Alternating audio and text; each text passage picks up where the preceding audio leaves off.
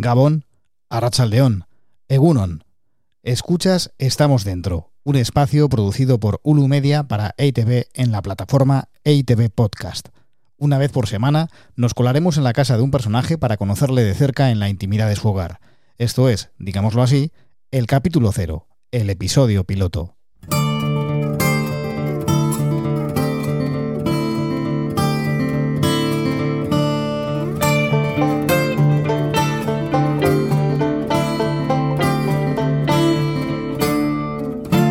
Al personaje de hoy lo conozco bien porque es compañero y sobre todo amigo. El periodismo nos unió en la redacción del diario Noticias de Guipúzcoa, cuando él hacía prácticas en la sección de cultura. Hoy, diez años después, a su lado soy yo quien parece el becario, porque, entre otras cosas, nuestro anfitrión ha impulsado uno de los primeros medios nativos digitales en euskera, ha grabado varios discos, ha dirigido una película documental y ahora parece empeñado en hincar el diente al mundo del podcast. Soy Juan G. Andrés y hoy en Estamos Dentro visitamos a Oyer Aranzábal. Siempre se ha dicho, ¿no? la radio es eh, inmortal, ¿no? Yo diría que el audio es inmortal y que, y que adaptado a, las nuevas formas de consumo de, contenido, pues hay un potencial enorme que vamos a ver a dónde nos lleva.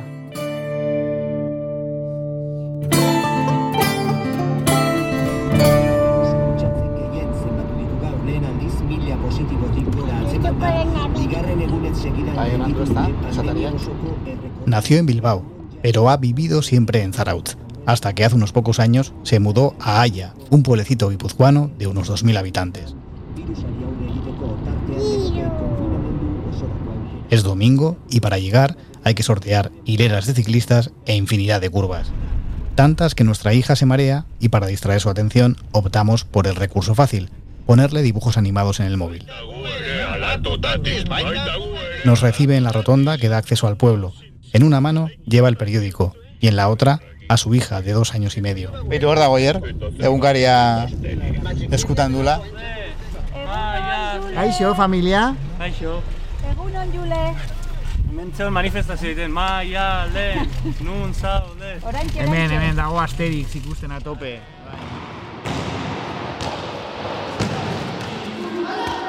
Los chavales juegan en el frontón mientras sus mayores apuran las copas en la plaza.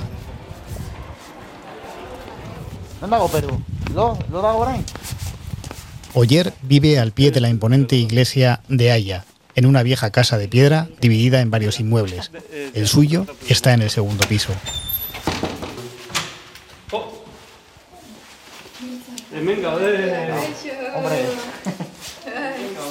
Las dos familias no nos vemos en persona desde antes de marzo.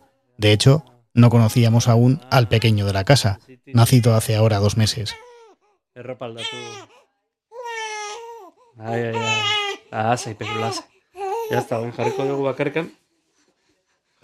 Tras el cambio de pañales, subimos a la guardilla donde Oyer tiene su base de operaciones.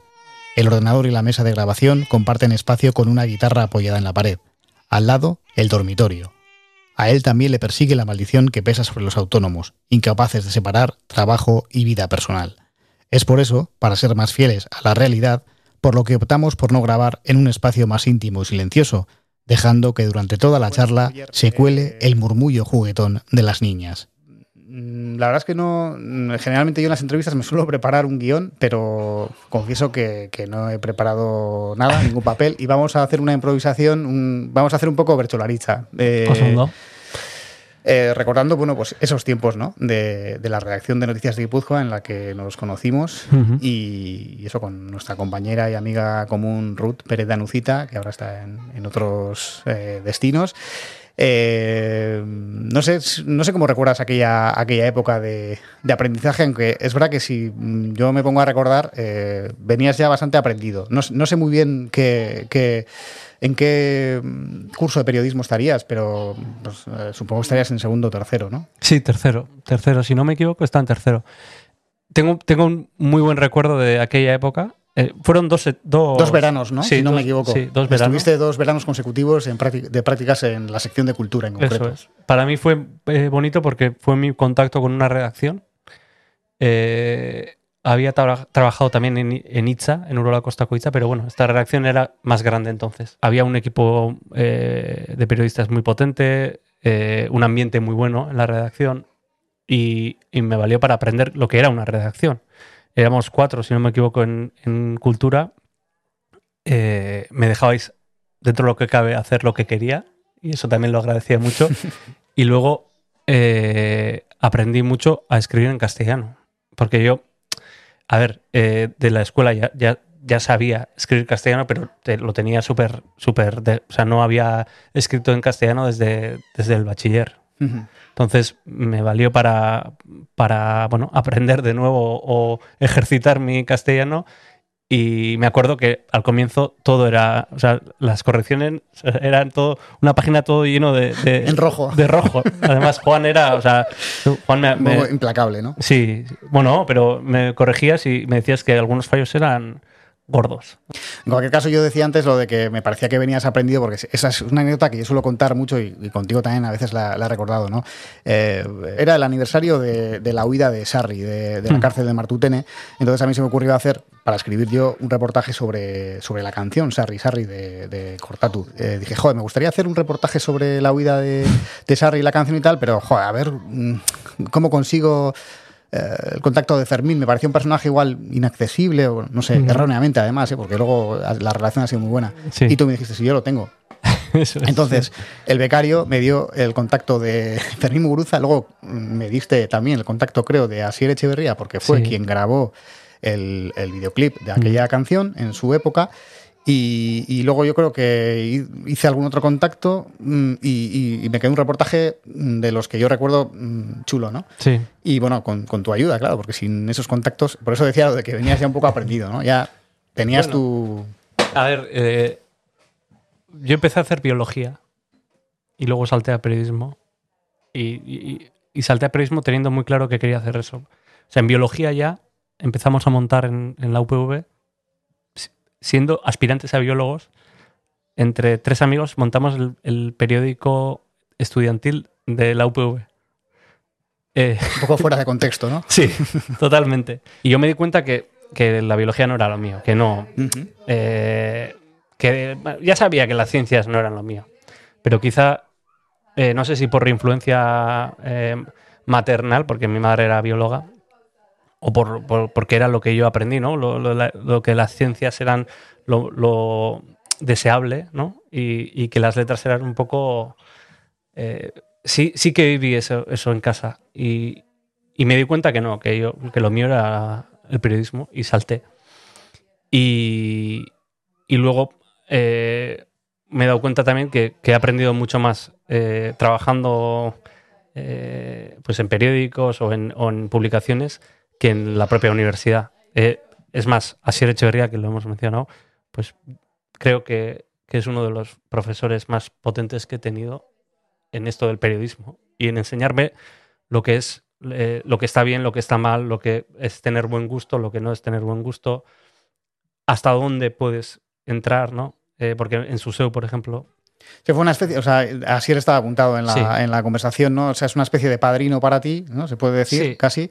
Y, y una persona importante, eso, ¿no? En, en- en la labor de la fundación de un medio como Suceu, que fue pionero en, en, bueno, pues... eh, medio digital de medio digital, eso es. sí.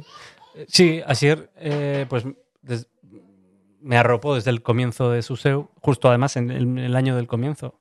Eh, mm, pues me contrató como becario también y viví ese, ese comienzo de un medio digital nativo en euskera. Y él, pues, ha sido un profesor. O sea, nos ha enseñado eh, tanto a Iñaki Larrañaga, compañero Mm. y gran amigo también, como a mí, pues bueno, eso. Eh, además, eh, en un medio digital con donde la, la opinión y la- el- el- lo editorial tiene mucho peso, a veces es difícil medir, ¿no? ¿Hasta dónde? Hasta dónde. ¿Hasta eso dónde llegar, no? Cuánto mojarte es difícil, eh, porque... Porque Sí, eso, la- el equilibrio entre la información y la opinión es. y demás, ¿no? eso es, es un poco, eh, bueno, eh, complicado. Y al principio pues metes la pata muchas veces. Y Asier nos enseñó a calibrar, a eh, nos, nos, eh, bueno, a, a través de su escritura también, porque era muy, muy buen articulista. Y yo creo que ahí aprendimos mogollón. Y luego eh, está mal decirlo, pero contigo también. Yo tengo en... eh, si me tienen que decir, eh, preguntar sobre quién me ha enseñado más en esto del periodismo, sois... eh, No Ruth- fastidies. es verdad, es verdad. Ruth y, y- y tú en, en Noticias de Guipúzcoa. Eh, así de claro, ¿por, por qué? Porque estaba en una redacción, porque me llevó a, a llevar un, un, un trabajo de- en el día a día de cubrir en- pe- ruedas de prensa sobre Sí, teatro, cosa- cosas que igual a ti te irán un poco ajenas. Yo te quería preguntar sobre, o sea, a partir de o sea, esa experiencia de Noticias de Guipúzcoa, Sí, eh, luego saltas a Suceu y yo creo que a partir de ahí has sido siempre eh, un periodista autónomo, ¿no? Y, y esa relación eh, con una redacción y lo que supone de disciplina, ¿no? Porque, eh, vale, la vida del autónomo, yo ahora también so- soy autónomo, llevo ya unos años siéndolo, Sí. tiene unas eh, servidumbres y, y es, es- es muy dura en muchos aspectos, pero también te permite, bueno, estar un poco a tu aire y, y para bien y para mal organiz- te organizas tu, tu, tu trabajo y demás, ¿no? Pero en una redacción al final tienes que estar pendiente de un montón de cosas, eh, tienes un jefe que te, que te dice, que te ordena, que te llama, ¿no? Y a mí me da la impresión de que tú ahí igual no encajas demasiado en una redacción, ¿no? Eh, y no sé si esa fue, viste, viste lo que era, te pareció interesante, eh, probaste y aprendiste, pero dijiste, esto igual no es lo mío, que, que a mí esto me ata demasiado. No sé. eh, a mí me gusta la redacción. tengo buen recuerdo de la redacción. Y yo creo que mm, trabajaría a gusto en una redacción en condiciones, claro. Pero eso ya no, Ya no ex- existe. no existe. Sí. O sea, en una, en una redacción con, con un equipo majo, con un, sueldo digno y con un medio serio que tiene un proyecto de futuro, yo creo que trabajaría a gusto y con una seguridad que quizá como autónomo, autónomo no tengo. Es verdad que el ser autónomo me ha permitido hacer un documental, por ejemplo. Si no, no podría hacerlo. Y eso estoy muy contento de haber hecho eso, ¿no? Pero. Pero. O, o meterme en el mundo de los podcasts O de la música. o de la música también. Pero, pero es verdad que tengo, eh, añoro eh, tener una redacción. ¿eh? O sea, tengo un muy buen recuerdo de la etapa que pasé en, noticias y sí que he tenido siempre esa aspiración utópica ya de, trabajar en una redacción bien, bien montada, bien formada, eh, con un proyecto que, que te llena, ¿no? Que te, yo creo que es la añoranza de todos los periodistas ahora, porque ya no hay... Porque eh, hay, hay una imagen muy romántica de, la redacción y, no sé, quizá en, en, en- en otra época, ¿no? Eh, yo me vería también eh, de vuelta a esa, a esa redacción, a esa idea, pero no sé si ya somos los mismos de, de aquella época, ¿no? Y luego, eh, ahora de fondo estamos escuchando a, a las criaturas, ¿no? Eh, cómo están jugando aquí abajo. eh, y, y, bueno, pues para conciliarnos el mejor lugar, la verdad, una redacción, ¿no? Y por, por el tema de los horarios y, y demás. Pero sí que es verdad que, que- que se aprende mucho y, y sobre todo la, intera- la interactuación con, con los, con los compañeros y con... Mm. Bueno, es, es- es un sitio bonito, en el, por lo menos para experimentarlo una temporada en la vida, ¿no? Yo tengo, tengo una relación de amor y odio con, con Estados Unidos.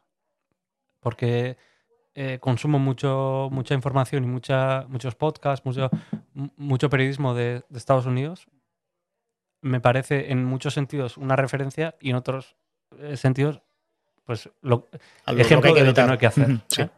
Eh, pero, por ejemplo, allí ha habido una- un giro muy, muy potente en el periodismo, muy interesante, con los medios nativos digitales que empezaron a hacer, eh, informa entre comillas, información viral y han acabado fichando a Pulitzer.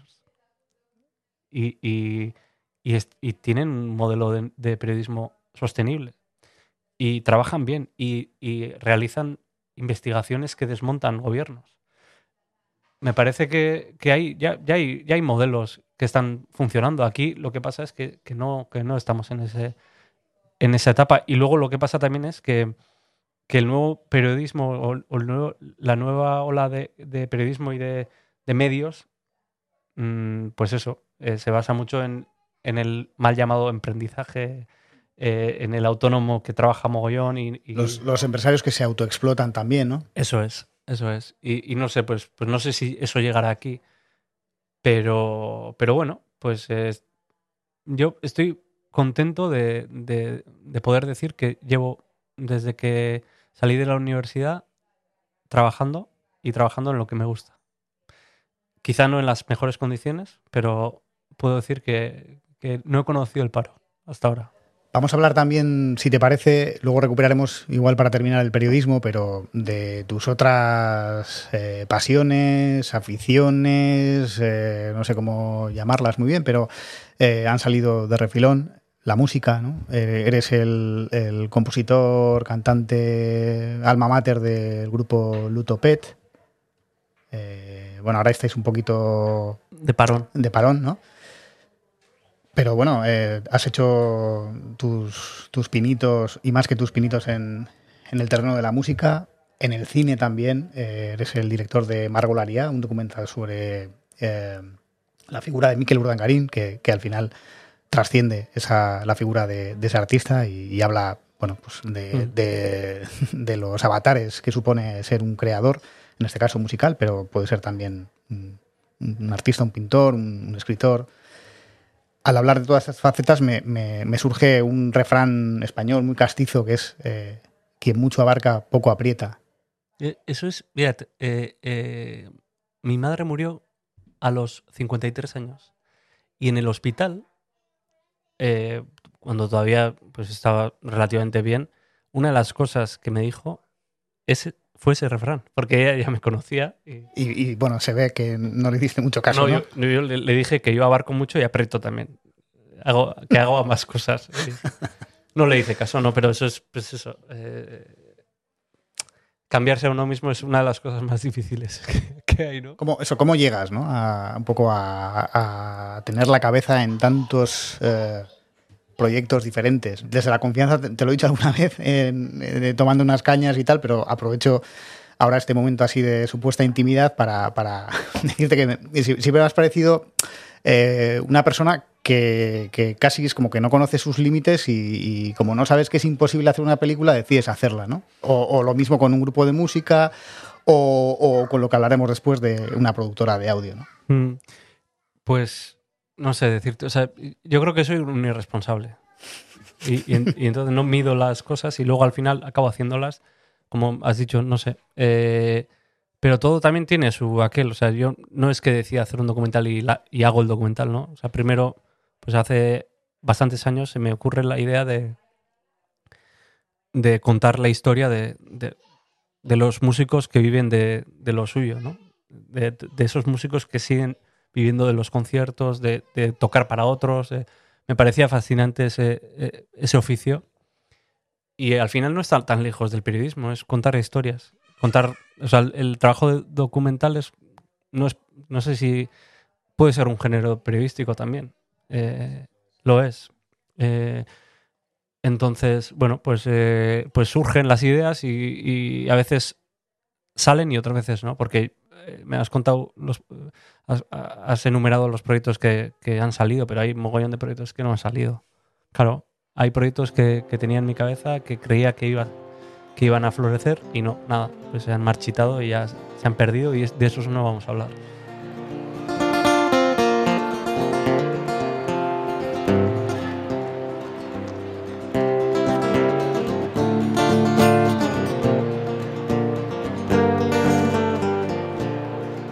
Hacer una pausa, me gustaría que, como sueles hacer tú con tus eh, invitados en Ispiu Belcha, el programa que, que conduces en Donostia Cultura, eh, es que, es, que es, eh, me vas a pedir una canción. te voy a pedir una canción. Es que es una forma muy bonita de conocer a la gente. En Barruan Gaudé lo hacía antes que en Ispilubelsa. Eh, porque claro, Barruan Gaudé ya hemos hecho 14 24 capítulos. Y es creo que una de las formas más bonitas de conocer a alguien. Es eh, preguntarle por una canción. Y además sin avisar. Si tú le dices de antemano que le vas a pedir una canción, se lo piensa demasiado. Y piensa lo que va a pe- pensar la gente y qué, le, qué recomiendo quedar en, bien. sí, en agradar, en tal Vale, cual. ¿no? Pero si tú preguntas eh, a traición, pues te dicen lo primero que les viene o, o lo último que han escuchado y eso es interesante. Pues venga, vota. Eh, en mi caso, ya sabía que me ibas a preguntar, entonces no tiene tanta gracia, pero eh, mira, hay tres discos que me gustan mucho. Mermaid Avenue de Wilco y Billy Bragg juntos. Son preciosos los tres. Y voy a elegir Remember the Mountain Beds una canción muy bonita. Hay una versión muy, muy chula que quizás no es para ponerla ahora, pero eh, creo que es Farm Aid, el festival Farm Aid, donde sale Jeff Tweedy él solo con la guitarra a tocar en un estadio enorme. Y cómo es capaz de, llenar el estadio, el, el- el solo con esta canción, él y la guitarra, y parece que hay dos personas tocando la guitarra.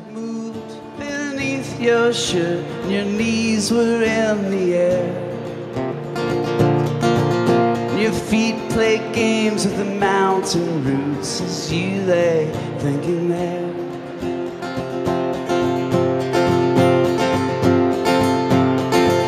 Below us, the trees grew clumps of trees, raised families of trees, and they Spread as we tossed their heads to the wind and flung good seeds away. The sun was hot and the sun was bright down in the valley below. Where people starved and hungry for life, so empty, come and go.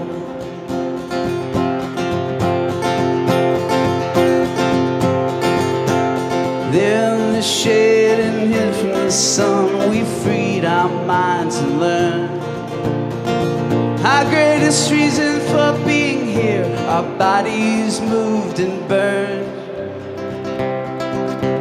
There on our mountain bed of leaves, we learned life's reason why. People laugh and love and dream, they fight and they hate to die.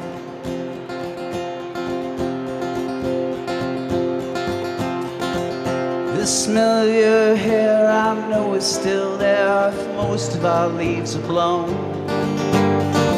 Words still ring in the brush and the trees where the singing seeds are sown. Your shape and form is dim but plain there on our mountain bed. And I'll see my life was brightest where you laughed and laid your head.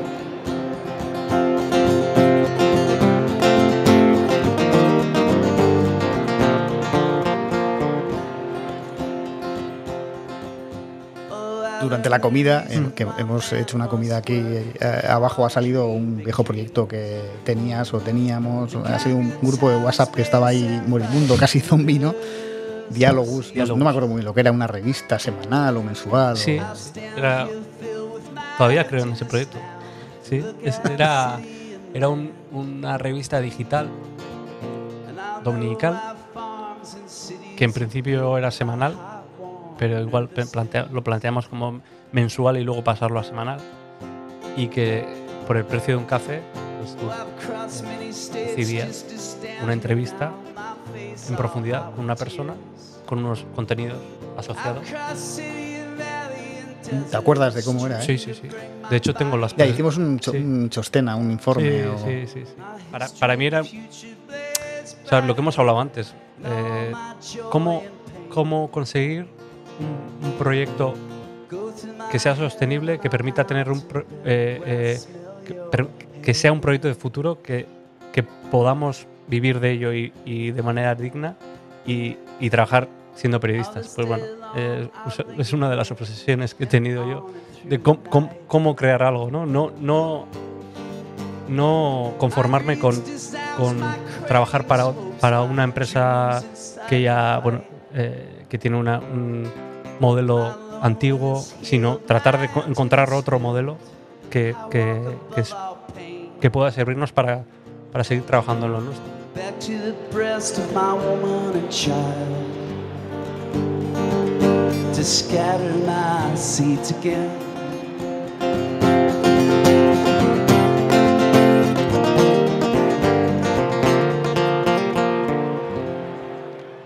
En una charla que organizó Berría, creo que era Vi- Vincent Partal, eh, el director de VilaWeb, decía que el periodismo, el periodismo está en un cuarto oscuro enorme y todo el mundo está tratando de buscar el interruptor de la luz, ¿no?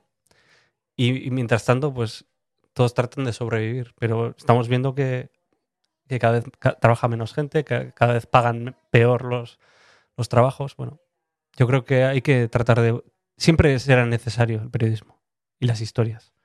Entonces hay que buscar el modelo de, convertirlo en algo sostenible.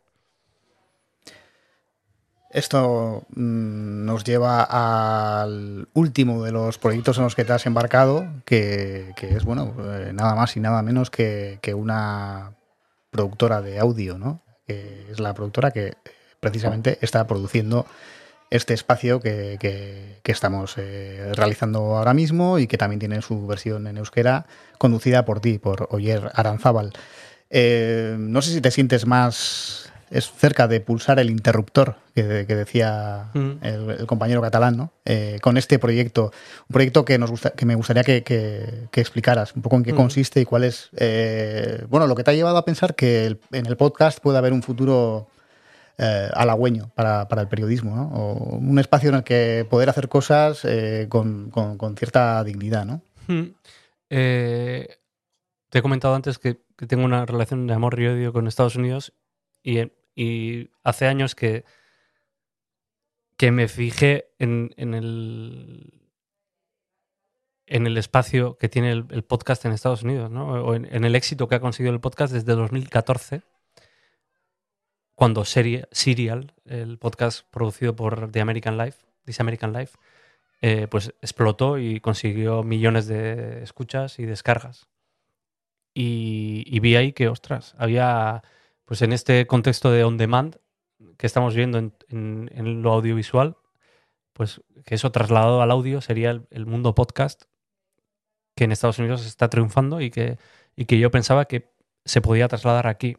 Y yo, pues un poco desde la mil- militancia del euskera, que no me gusta tampoco calificarme como militante del euskera, sino como euskaldun y punto, ¿no? Es, es- es tu idioma y es en el que trabajas. Ese, ese- e- e- ese es mi punto. O sea, yo nu- nunca me gusta, no, yo no, no reivindico nada, tan solo quiero trabajar. Simplemente haces en, en ese Eso idioma. es. Y quiero Creas. trabajar en mi idioma y punto, nada más. Y, y veía que, que en, en euskera era, era un campo donde podía tener espacio. Porque eh, es curioso, pero si miramos el ámbito eh, pe- periodístico eh, de medios en, en Euskal Herria, el único formato o, medio que, ha conseguido homologar las audiencias al ámbito español es el, el del audio. Euskadi Ratia, por ejemplo, tiene ciento y pico mil oyentes.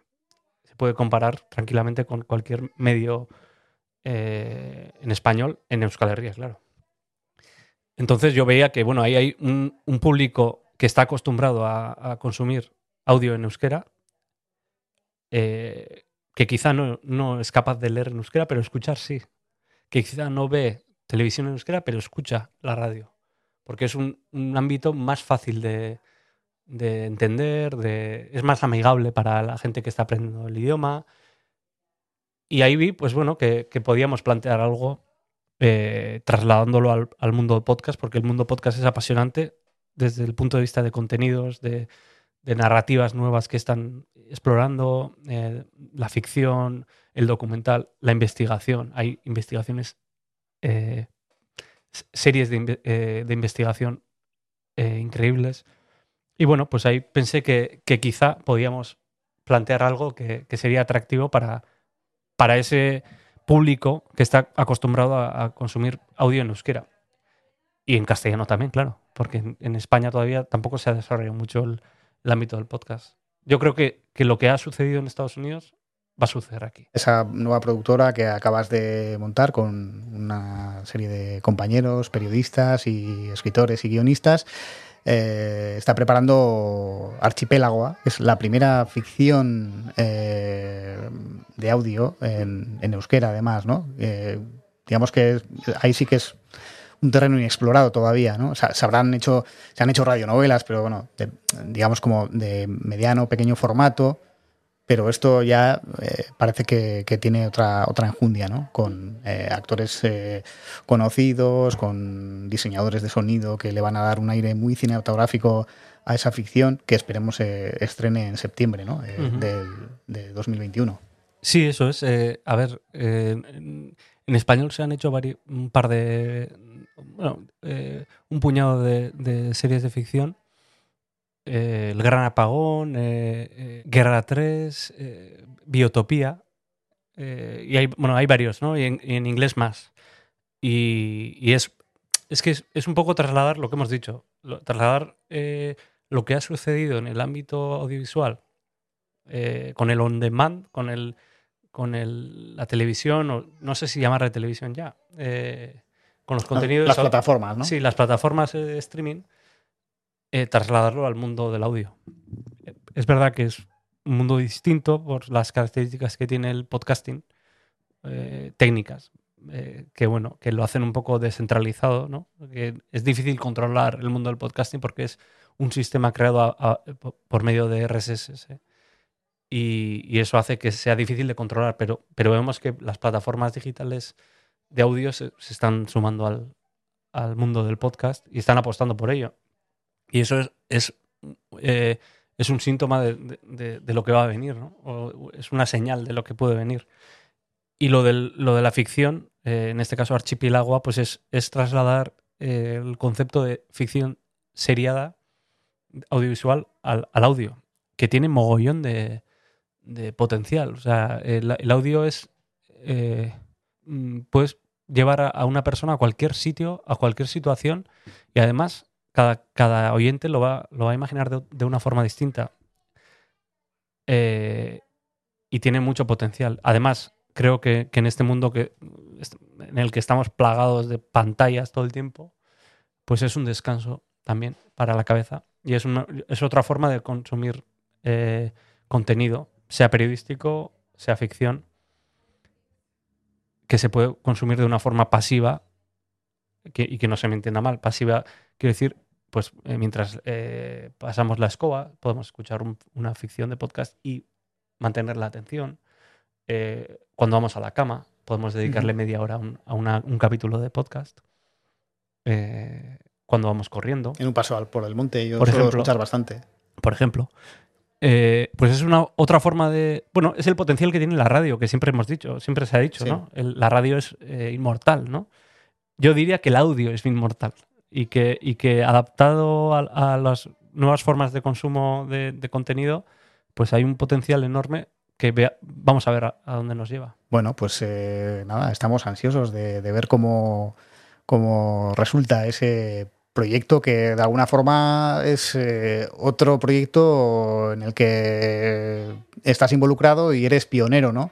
No sé si, si te digo que, que en cierto modo eres tienes un punto de pionero, no sé cómo lo, Yo lo- cómo lo encajas. Mal. Mal. Encajo mal. Yo es que no sé, pionero, ¿no? O sea, Bueno, eh, me refiero, por ejemplo, en el, en el caso de Zuceu, eh, sí que, bueno, fuiste de los primeros en montar un medio nativo digital.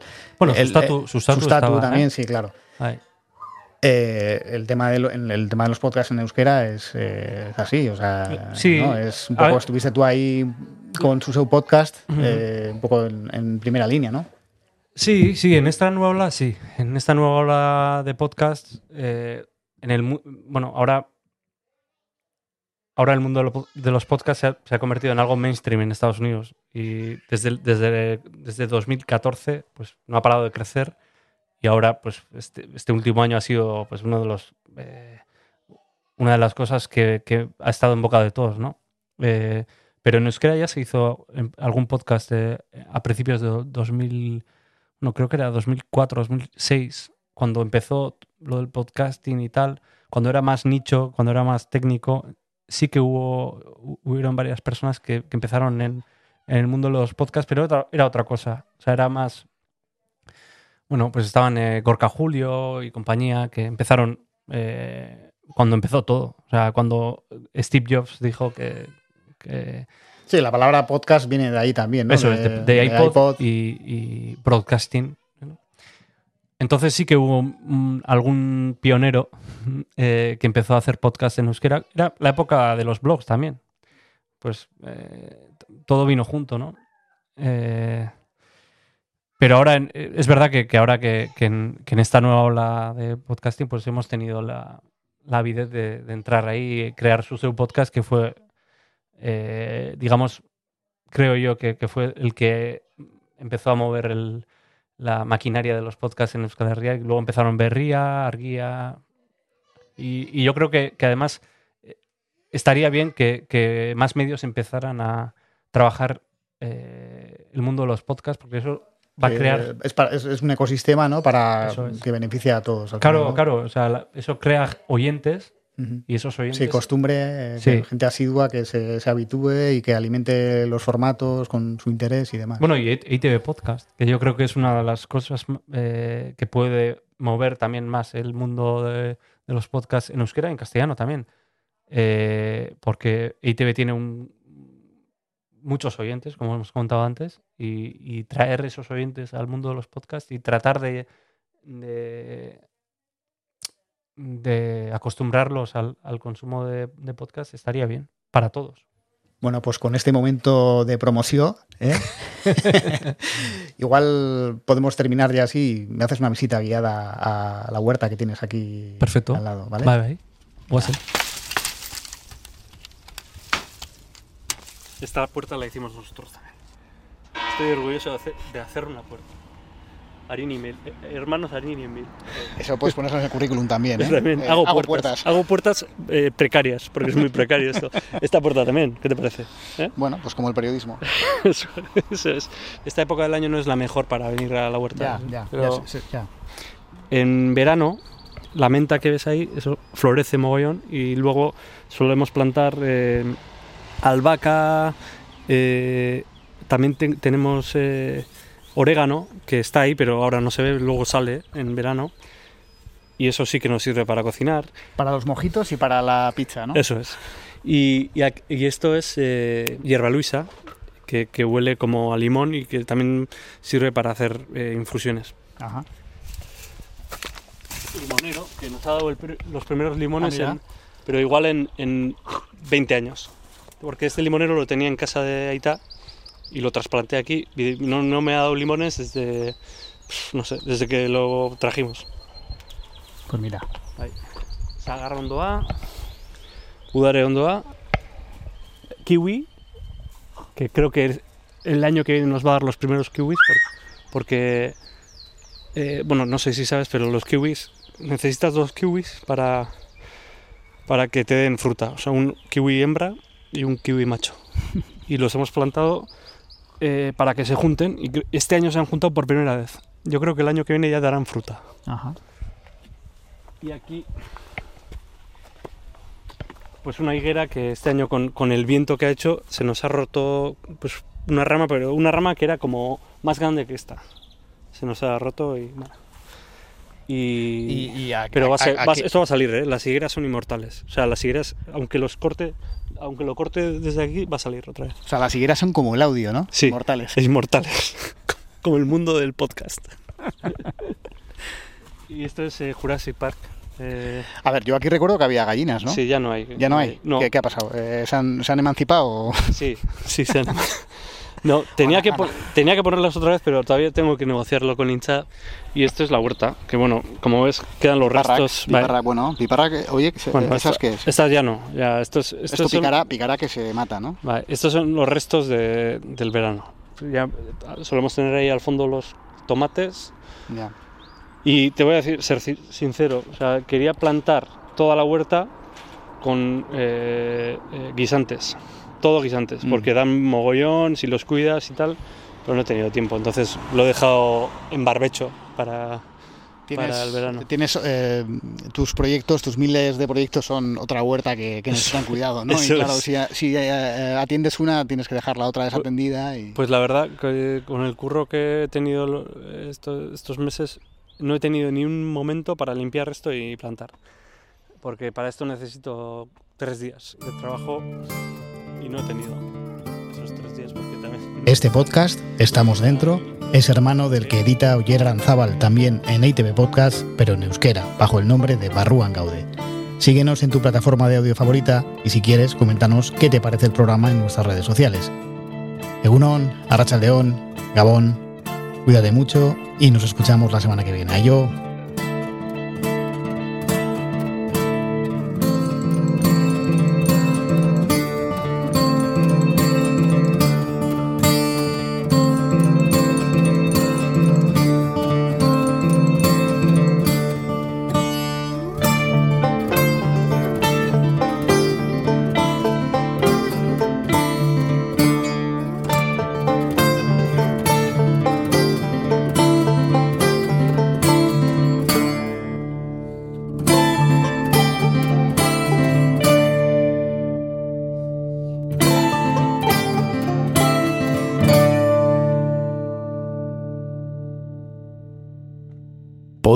producido por Ulu Media.